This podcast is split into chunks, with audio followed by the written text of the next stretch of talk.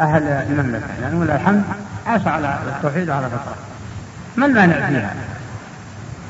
ما فيها إن شاء الله مانع لأنها خلاصتها إخلاص التعلق بالله وأنه لا يشفع على أحد من المخلوقين بخلاف المشركين الذين يشكون على متعلقاتهم من الأولياء والصالحين والأشجار والأحجار وبخلاف بعض الدعاء الإسلام يذهبون إلى سيدهم القبور ليزعمون أن السيد يشكون عليه يشكون عليه.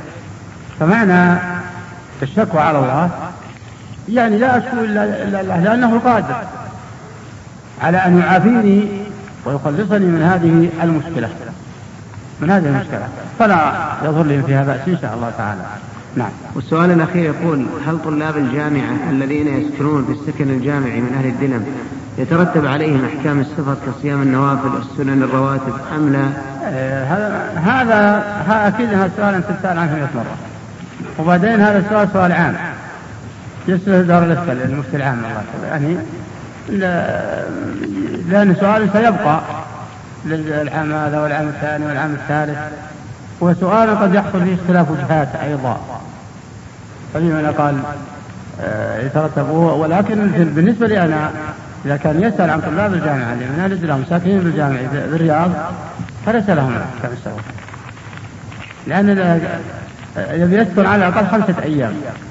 خمسة أيام خلاص حد السفر أربع أيام. أربع أيام. فالذي يقيم يوم يومين هذه ناحية. الناحية الثانية أنه نوع سكن مستديم. كأنه مستقر فيه. على كل حال عدم التساهل أولى وخصوصا الذي سيسكن خمسة أيام كلها هذا لا يترخص إذا كان سؤالك اللي يروحون اللي يروحون يسلكون بالجامعة من مسألة قصر سواء من الدلم أو من غيره. أليس هذا السؤال؟ نعم. طيب فلا يترخص إن شاء الله تعالى. وقبل الختام أذكركم بمحاضرة الشيخ صالح بن عبد الله الحميد مرة أخرى بعد مغرب يوم السبت القادم إن شاء الله في جامع الأمير سلمان. وختاما آه، نسأل الله عز وجل أن يثيب شيخنا وأن يجعل ذلك في ميزان حسناته وأن يوفق ولاة أمورنا لما يحب ويرضى وأن يمد ولي الأمر بالصحة والعافية. إنه سميع مجيب وصلى الله على محمد. اللهم صل وسلم وبارك على عبدك ورسولك محمد. وأسأل الله سبحانه وتعالى أن يثبت الجميع. واستسمح الإخوة فيما قد يفوت من بعض فهم العبارات. مني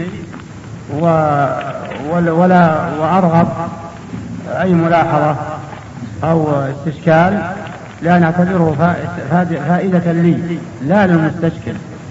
وأسأل الله سبحانه وتعالى أن يولينا وإياكم العفو والعافية والصحة وأن ينصرنا على من عادانا وأن يجزي الإسلام وأن يجزي حكومتنا عنا وعن المسلمين بخير وأن يعافينا وإياهم من كل بلاء وصلى الله وسلم على نبينا محمد وعلى آله وصحبه أجمعين.